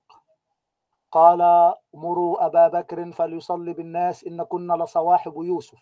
هكذا معنى الحديث يعني كصواحب يوسف أي اللاتي يلاحين ويجادلن. مروا أبا بكر فليصلي بالناس. الشاهد أنه قال رجل أسيف متى يقم مقامك يرق؟ يعني إذا قرأ القرآن الكريم رق قلبه فبكى. ولذلك دخل عليهم لما وجد النبي صلى الله عليه وسلم في نفسه خفة فتقدم بين الصفوف فأفسح له الصحابة حتى وصل إلى آه، الصف الأول ف يعني علم أبو بكر فتقدم فصلى أبو بكر بالنبي وصلى الناس بأبي بكر رضي الله عنه. ولذلك يعني لما مات النبي صلى الله عليه وسلم قال الصحابة ارتضاه رسول الله صلى الله عليه وسلم لصلاتنا أفلا نر- نرضاه لدنيانا؟ يعني ارتضاه النبي لي- ليؤمهم في الصلاة وهي أعظم شيء في الإسلام بعد شهادة أن لا إله إلا الله. أفلا نرضى أن يكون حكيما ذلك هؤلاء الشيعة؟ هل منكم من الشيعة أحد؟ لا. صح هل هناك أحد من الشيعة؟ ليس هناك. الحمد لله. يعني يسبون الصحابة ويسبون أبا بكر وعمر. نسأل الله أن يهديهم فهم محسوبون على الإسلام. هل هناك أحد من الشيعة؟ طب الحمد لله. آمين آمين. آمين آمين شيخ محمد مهدي يبقى إذا أسلوب المدح والذم أنت رجل تعلم أنه يسير أسلوب المدح له ثلاثة أركان. إذا وجدت ركنين تعلم أن هناك ثالثا محذوفا. انتهت القضية والأمر سهل. آه، فعل المدح أو الذم ال- الفاعل والمخصوص بالمدح أو المخصوص بالذم. هذه هي الأركان الثلاثة. إذا ما حذف أحدها فتعلم أنه آه، إذا ذكر اثنان تعلم أنه قد حذف الثالث آه. طب حينما نقول نعم العبد أيوب كيف يكون الإعراب؟ نعمة فعل ماضي. العبد. فعل. العبد آه، فاعل. ممتاز. وما نوع اللا نوع الألف واللام في العبد؟ نعمة العبد. آه، جن- جنسية سيدي. آه جنسية يعني تدل على استغراق الجنس. نعم. وأي وأيوب بدل؟ وأيوب بدل لا ليست بدلا يا مولانا. هذا هو نعم. ما نريد أن نوصله إليكم. نعم. أنها تكون مبتدأ سبحان الله. ولكن في هذا الأسلوب خاصة آه، اغتفر آه، اغتفر يعني من الذي يستطيع أن يدرك ما في هذه ال- في ما في هذا الإعراب من مخالفة لما تعارف عليه النحاة.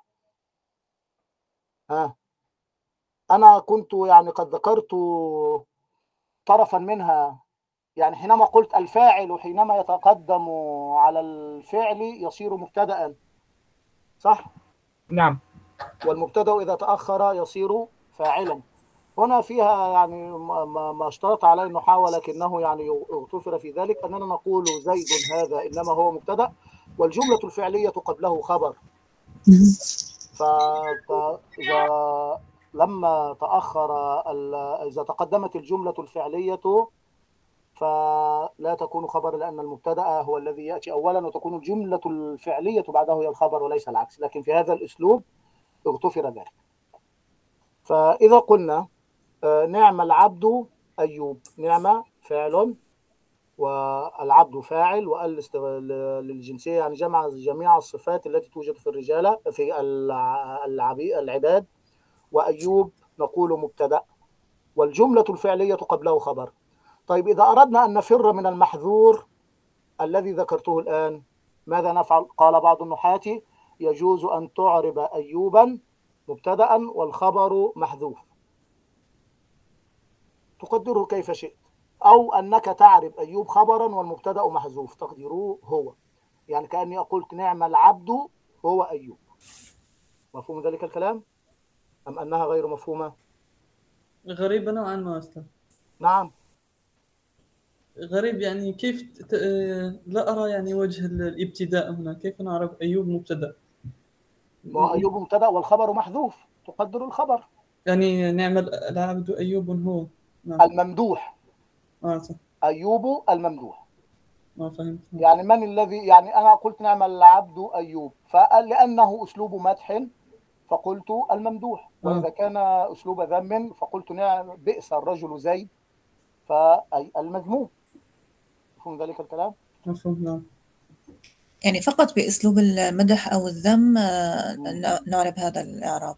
آه هذا أسلوب خاص. ولذلك يعني أنتم درستم ذلك الأسلوب مهم. وكيفية إعرابه. فهذا أسلوب يعني هذا درس قائم في النحو بذاته لما فيه من أحكام خاصة. وفي حال أعربنا إحدى الوجهين صح يكون صحيحا أم؟ آه، يعني نقول يجوز فيها ثلاثة أوجه. يجب أن نذكر ذلك. من الذي قال لماذا نازش؟ ماذا تقولين يا أختي نازش؟ أتستطيعين أن تتحدثي؟ فإني لم أستطع أن أقرأ. لما نعم لماذا لا نقول أن الفعل والفاعل آه، جملة فعلية في محل خبر مقدم؟ ما هذا ما قلت هذا هو الوجه الأول وقلت فيه مخالفة المشترط عليه النحاة من أن الخبر إذا كان جملة فعلية فلا يتقدم أنا ذكرت ذلك أولا يعني أقول نعم العبد أيوب نعم. نعم فعل والعبد فاعل وأيوب مبتدأ والجملة الفعلية قبله خبر مم. ولكن نعم فيها. مخالفة فكيف بعضهم الآخر قال لا- نعربها إعرابا آخر نفر فيه من هذه المخالفة وهي أنها تكون مبتدأ والخبر محذوف أو هي خبر والمبتدأ محذوف فإذا كانت هي الخبر فالمبتدأ تقديره هو أي نعم العبد هو أيوب. وإذا كان ال... إذا كانت هي المبتدأ فالخبر محذوف أي نعم العبد أيوب الممدوح. كما تقول زيد المجتهد. من المجتهد؟ تقول زيد المجتهد فزيد المبتدأ والمجتهد خبر. أيوب الممدوح. من الممدوح؟ أيوب. مفهوم ذلك الكلام؟ فهمت أختي نازش؟ نعم واضح أستاذ. طب لله الحمد والفضل والمنة. آه ماذا بقي أيضا عذرا؟ فإن هناك بعض المشاكل.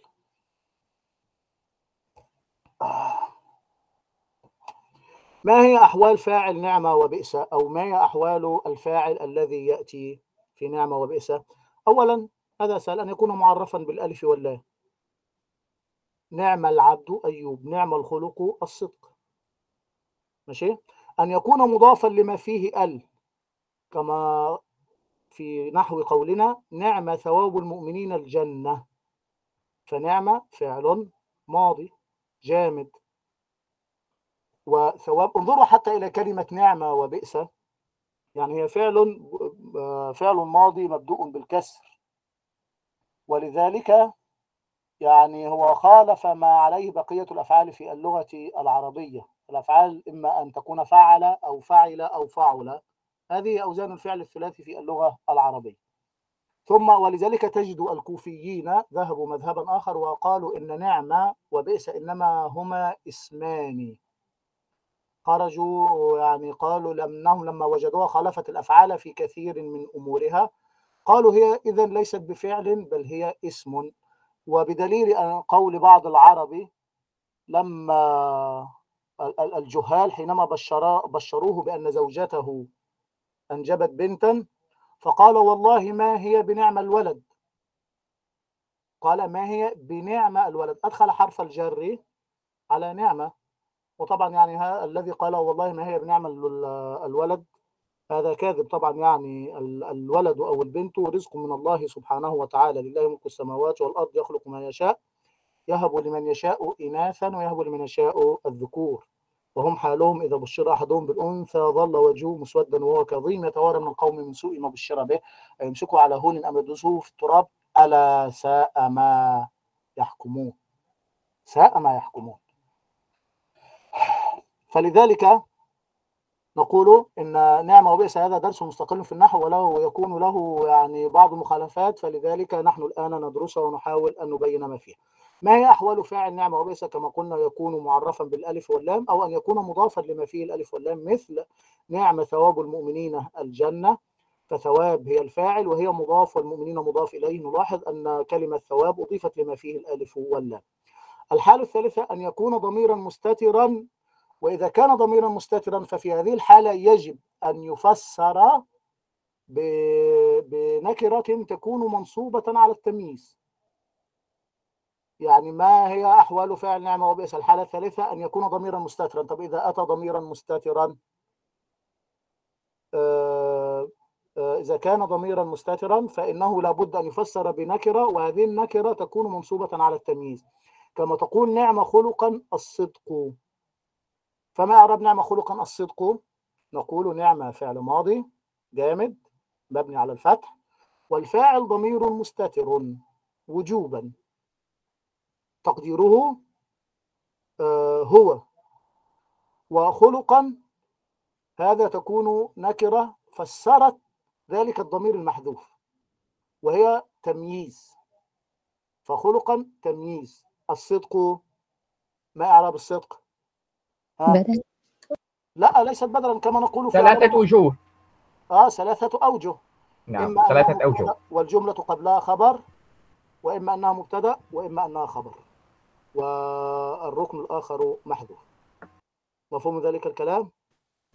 ال- أنا الثالث آه، تاه مني فضيلة الدكتور. نعم. ما الوجه الثالث؟ آه آه حينما أقول نعم العبد أيوب. أيوب نعم. هذا أيوب مبتدأ والجملة الفعلية قبله خبر. تمام. هذه مفهومة. نعم. آه الوجه الثاني أن أيوب مبتدأ والخبر محذوف. أيوب مبتدأ. الوجه الثالث أن أيوب خبر. يعني أيوب هذه إما أن تعربيها مبتدأ وإما أن تعربيها خبرا وإما أن تكون مبتدأ والجملة قبلها مع والجملة قبلها جملة فعلية خبر. وصلت يا أختنا الكريمة. ماذا يعني ليس فيها شيء هي ثلاثة أوجه. هل هناك إشكال في ذلك؟ لا لله الحمد. طيب. ال- الحالة الرابعة التي يأتي عليها فاعل نعمة وبئس هي أن يكون كلمة ما أو من آه، الموصولتين. قبل أن أنتقل إلى هذه حينما أقول نعمة زيد. ماذا أقصد بنعمة زيد؟ أين أين الفاعل؟ محذوف. آه نعمة محذوف. يعني حينما أتحدث عن زي... آه. نعمة محذوف ونقدره؟ آه يعني أقول كأني قلت يعني نعم الرجل زيد. والله تعالى أعلى وأعلم الوجه الرابع لما لفاعل نعمة وبئس أن يكون ما أو من الموصولتين. يعني حينما تقول إن الله نعم ما يعظكم به حينما أقول نعم ما تفعله الخير بئس ما تسعى إليه الشر.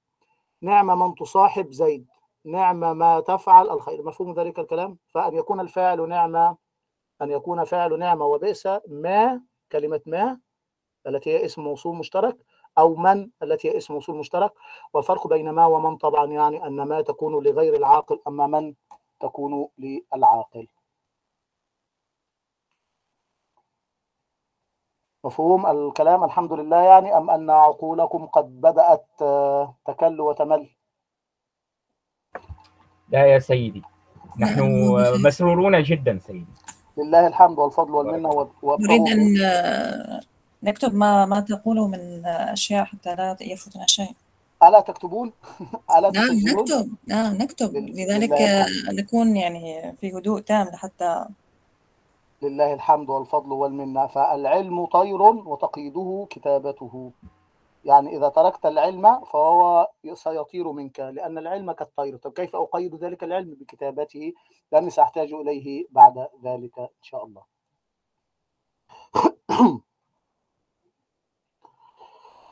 من الأساليب المدح كذلك كما نقول حبذا ولا حبذا.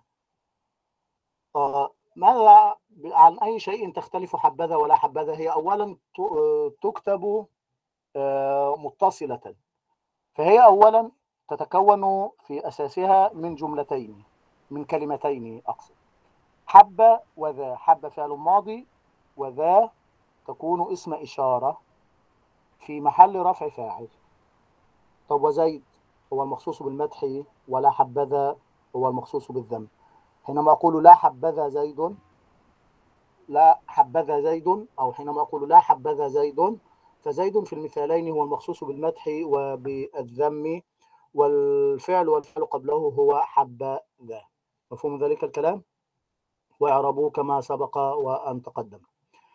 يجوز أن يتقدم المخصوص بالمدح والذم في باب نعمة وبئس فتقول الكتاب نعم الصديق ويعرب المقدم مبتدأ والجملة بعده خبر. آه، هنا تخلصنا من من ال- المشاكلة التي كنت ذكر- ذكرتها أولا. يعني حينما أقول الكتاب نعم الصديق فإن الكتاب الكتاب هذه مبتدأ والجملة الفعلية بعده خبر. مفهوم ذلك الكلام؟ طيب. بعد ذلك ننتقل إلى أساليب في القرآن الكريم من المدح والذم. قال تعالى نعم العبد ووهبنا لداود سليمان نعم العبد إنه أواب. أي العبد التقدير تقدير ماذا يكون؟ ها؟ سليمان نعم العبد. ويجوز أن يكون داود. نعم سبحان صح. الله. آه نعم، نعم. يعني فكلاهما يعني خير وبركة فكلاهما نبي. فنعم العبد أي أن الله سبحانه وتعالى وهب لداود سليمان. لماذا وهبه سليمان؟ لأن داود نعم العبد. فالله لم يهبه فالله لم يهبه سليمان وفقط بل وهبه ابنا ونبيا وملكا. لماذا؟ لأنه نعم العبد. فرزقه الله بولد تقر به عينه. مفهوم؟ ويجوز أن يكون سليمان ووهبنا لداود سليمان. نعم العبد أي سليمان. مفهوم؟ آه، دكتور فضل آه، كلمة أواب ألا آه، تشير إلى آه، إلى داود آه يجوز ما على حسب التقدير. يعني نعم مم. ووهبنا لداود سليمان. يعني من من سيكون الممدوح هنا؟ من تريدين أن يكون الممدوح؟ لا أنا اللي دلني على ذلك الكلام آه، آه. الممدوح إنه كلمة أواب آه، آه، من هو الأواب؟ هو داود آه من الممكن ومن الممكن أن يكون سليمان كذلك. يعني يعني- هو على ذكر ذكر صفات آه، سيدنا داود في الكتاب الله أنه آه. أواب فدلتني على ذلك دلني ذلك عليه يعني على بارك الله فيك كذلك ولا يمنع كذلك من أن يكون سليمان هو الأواب لأنه نبي. نعم وأنبياء الله يعني والقصة كما. تعلمون يعني آه القصة كما تعلمون أن أيوب أن سليمان عليه السلام لما عرض عليه بالعشي الصافنات الجياد أي الخيل نعم. فقال إني أحببت حب الخير عن ذكر ربي شغلته عن الصلاة فأمر بقتلها. نعم. لأنها بقتله شغ... آه لأنها شغلته عن الصلاة. فإنه أواب كثير الأوبة والرجوع إلى الله سبحانه وتعالى. وكذلك في وصف إبراهيم عليه السلام إن إبراهيم لحليم أواه منيب. منيب. منيب. كلهم يرجعون إلى الله سبحانه وتعالى. نرجو أن نكون آه، الخير هو الخير. إن أحببت آه الخير هو الخير. إن أحببت حب الخير عن ذكر ربي. أو الخير هو المال بصفة عامة. إن الإنسان لربه على آه، والعاديات ضبحا فالموريات قدحا فالمغيرات صبحا فأثرن بنقع فوسطن بجمع. إن الإنسان لربه لكنود وإنه على ذلك لشهيد وإنه لحب الخير لشديد. الخير هو المال في هذه السورة يعني. فإني أحببت حب الخير عن ذكر ربي يعني يقصد المال أو يقصد الخيل والخيل بعض من المال. شغلته حتى غربت الشمس ولم حتى توارت بالحجاب. نعم. حتى تورت بالحجاب أي الشمس. ردوها علي فطفق مسحا بالسوق والأعناق فهذا ما نقول. طيب ولقد نادانا نوح فلنعم المجيبون. آه ولقد نادانا نوح فلنعم المجيبون. ما أعراب ولقد نادانا نوح فلنعم المجيبون. الواو بحسب ما قبلها. واللام واقعة في جواب قسم. وستدرسون ذلك في أسلوب القسم إن شاء الله. أن أنك إذا رأيت اللام في كلمة ولقد أو لقد تعرف أن هناك قسم محذوف. لقد أرسلنا نوحا لقد أرسلنا لقد أرسلنا فهذه اللام تدل على قسم. ما الذي يدلك على القسم؟ ووجود تلك اللام. وفي قولنا تعالى في قول الله تعالى لتبلون هذا يدل على القسم لوجود اللام والنون في الفعل المضارع. ف ولقد نادانا نوح اللام وقعت بجواب قسم نعم. قد اللام حرف وقعت تحقيق؟ آه قد حرف تحقيق. تدخل على الفعل ال- الماضي وتدخل على الفعل المضارع فتفيد ال- الشك. قد يذاكر زيد. ولكن في قول الله تعالى قد يعلم الله المعوقين منكم نقول طبعا لا تفيد الشك بل إنما هي في حق الله سبحانه وتعالى دالة على التحقيق. ولقد نعلم أنك يضيق صدرك بما يقولون فهذه أيضا في حق الله سبحانه وتعالى نقول دالة على الشك فالله لا يجوز أن نقول إنه قد يعلم وقد لا يعلم. مفهوم؟ طيب. نعم. في قول الله تعالى آه، بئس الاسم الفسوق بعد الإيمان. بئس فعل ماضي الاسم فاعل الفسوق والمخصوص بالمدح يجوز فيه ثلاثة أوجه. قال تعالى بئس للظالمين بدلا. أين الفاعل؟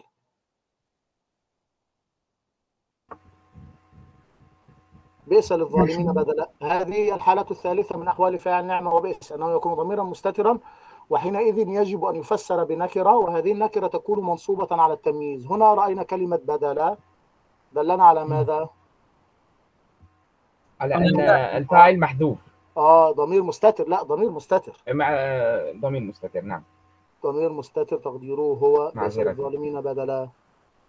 طب وأين المخصوص بالمدح؟ بالذنب. الظالمين. للظالمين هنا ب... للظالمين كيف ذلك؟ للظالمين جر ومجرور.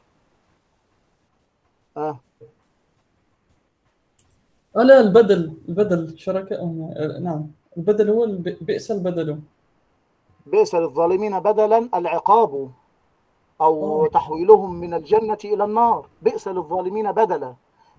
مفهوم مفهوم يعني ذلك الكلام؟ يعني بئس للظالمين بدلا النار لأن عقابهم النار.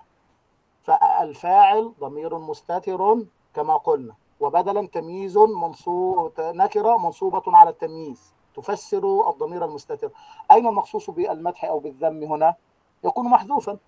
أنت تقرأ الآية يعني بئس للظالمين بدلا. ما أشهدتم خلق السماوات والأرض ولا خلق أنفسهم وما كنتم متخذ المضلين عضدا. يبقى إذا لابد أن يكون ال- المخصوص بالمدح محذوفا. تقديره آه، بئس للظالمين بدلا بئس للظالمين بدلا. العقاب. صح؟ نعم. مفهوم؟ طيب. بارك الله فيك. وإياك يا مولانا نحن نقول يعني الحذف والتقدير في النحو يحتاج إلى إعمال فكر. لابد من أن يكون الإنسان يعني أنت درست القاعدة ودرست أركان أسلوب المدح ابحث عنها وفتش. وانظر حينها إذا أخذت الأمور بسلاسة تتبعت السلسلة فإذا ما آه إذا ما وجدت أحدها مختفيا تستطيع أن تقول إن هنا محذوفا. نعم. لكن لا نقول نعم. يعني بالنسبة للبدل يعني المخصوص بالذنب. قبلها أفتتخذونه وذريته أولياء من دوني وهم لكم عدو. بئس للظالمين بدلا. آه يعني- صح. آه بارك الله فيك. أنا والله يا أخي يعني كنت أحاول أن آتي بالآية من أولها ولكن عقلي يعني لم يستطع أن, آية أن آتي بالآية فأنت أتيت بها. إذا يكون المخصوص بالماء بالذم هنا محذوفا. تقديره ماذا؟ على حسب سياق الآية. الشيطان وذريته؟ الله ممتاز صح كده أخي الكريم. من الذي قال من الذي نبهني بذلك؟ الشيخ أيوب.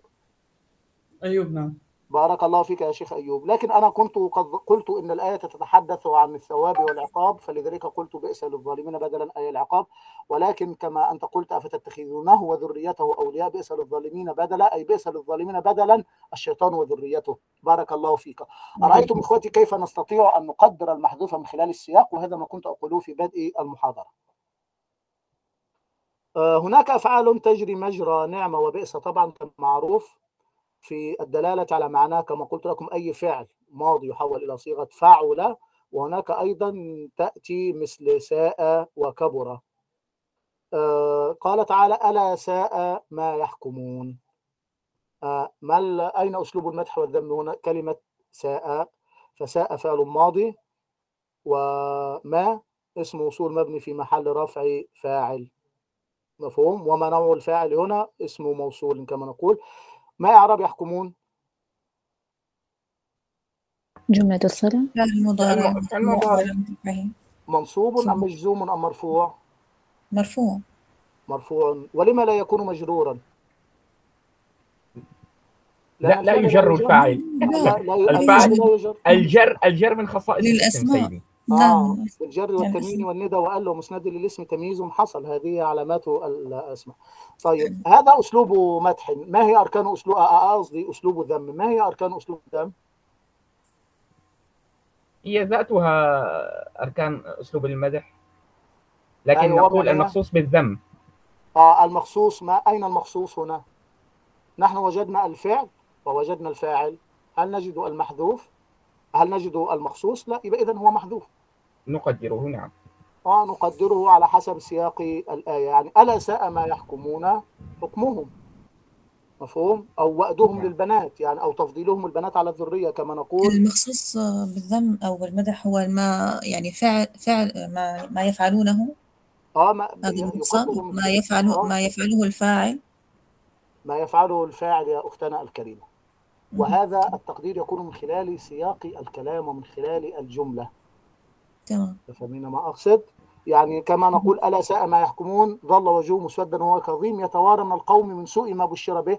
أيمسكه على هون أم يدسوه في التراب؟ ألا ساء ما يحكمون. يعني ما هو الذي يحكموه حكموه في هذه الآية؟ الأشياء اللي فعلوها من قبل. وأدهم البنات. وأدهم البنات. البنات. آه ومن الممكن أن نجعلها عامة ألا ساء ما يحكمون فعلهم أو حكمهم. نعم. مفهوم؟ فعلهم نعم. أو حكمهم. فتصير عامة فعلهم ما هو الذي فعلوه وأدوم البنات. وفي آية أخرى لو كان السياق يتحدث عن كفرهم بالله أو عن إشراكهم بالله يبقى ساء ما يحكمون إشراكهم ساء ما يحكمون فعلهم. مفهوم؟ بعد ذلك ننتقل إلى أسلوب القسم في القرآن الكريم. آه كما نقول كذلك يعني أسلوب القسم إنما هو يذكر للتوكيد. وهو يعني يأتي إذا كان المخاطب أمامي منكرا. يعني كما نقول إن أضرب الكلام ال- الذي أمامي الذي أكلمه إما أن يكون جاهلا بالحكم فهذا يلقى إليه الحكم في بدء الأمر خاليا من التوكيد وإما أن يكون مترددا فآتيه بمؤكد واحد أو أن يكون شاكا فآتي له بعدة مؤكدات. ومن المؤكدات التي تؤكد يؤكد بها الجملة هو أسلوب آه، القسم. طيب ولابد أن نفهم أركان القسم. يعني قسم ومقسم به ومقسم عليه. وأداة القسم. يعني حينما قال تعالى سبحانه وتعالى حكاية عن إبراهيم عليه السلام وتالله لأكيدن أصنامكم. ما أين أركان جملة القسم هنا؟ نقول في تالله لأكيدن أصنامكم التاء هي حرف جر وهي أداة القسم. المقسم به هو لفظ الجلالة سبحانه وتعالى الله والمقسم عليه هو لأكيدن أصنام إذن لأكيدن أصنامكم طب ما هي أدوات القسم؟ آه، آه، حروف و- القسم. الواو والتاء. والباء آه، الواو والتاء والباء فالتاء لا تخص إلا بلفظ الجلالة يعني لا يجوز أن تقول تالرحمن ولا يجوز أن تقول تالعزيز الواو تأتي لل- للمقسم تدخل على المقسم به أيا كان مفهوم؟ الواو والله. وهناك من يقسم بالنبي صلى الله عليه وسلم. وطبعا معلوم أن القسم لا يكون إلا بالله ولكن بعضهم يقول "وال- والنبي. هذه واحدة. وأما آه، التاء فإنها لا تدخل إلا على لفظ الجلالة أو كلمة رب مضافة إلى الكعبة. تقول ترب الكعبة فقط. يبقى التاء حرف جر إذا دخلت على لفظ الجلالة وهو الله أو دخلت على كلمتي رب الكعبة. طب والباء تقول بالله وتالله ووالله. آه، بالله تدخل على آه، المقسم به في جميع الأحوال. يبقى هذا آه، أسلوب القسم أداة القسم هذه قد تكون حرفا كما قلنا الواو والباء والتاء وذكرنا التي تدخل عليه. وقد تكون فعلا مثل أحلف أقسم. أقسم زيد ناجح. أحلف زيد زيد مجتهد. وقد تكون اسما مثل لعمرك إنهم لفي سكرتهم يعمهون. وكما تقول ويم الله أو أيم الله أو يمين الله. يمين الله زيد مجتهد. أيم الله يعني أنتم درستم في الأسماء العشرة التي تدخل عليها همزة الوصل آه، منها كلمة يعني أب وابن مبنى وامر وامرأة واسم وست ويم واثنان واثنتان ويم. فهذه كلمة أيمن هذه تستخدم في القسم خاصة. تقول أيمن الله أو آه، ويم الله. أيم الله بال- بالنون وبدون النون. آه الآن انتهت المحاضرة إخوتي الكرام إن شاء الله بإذن الله وفي المرة القادمة يعني أريد منكم أن تقرأوا آه أسلوب القسم وشواهده لأنه يعني سيحتاج إلى ذهن صاف منتبه لأن أحوال جوابه تكون مختلفة ولا حالات متعددة. فاقرأوها مرة أو مرتين حتى إذا ما شرحتها ترسخت في ذهنكم ونسأل الله سبحانه وتعالى أن يحشر مع النبي صلى الله عليه وسلم يوم القيامة. هل هناك من سؤال؟ هل هناك من سؤال؟ بارك الله فيكم. السلام عليكم ورحمة الله وبركاته. وعليكم السلام ورحمة الله وبركاته. بارك الله فيكم وعليكم السلام ورحمة الله وبركاته. جزاكم الله خيرا.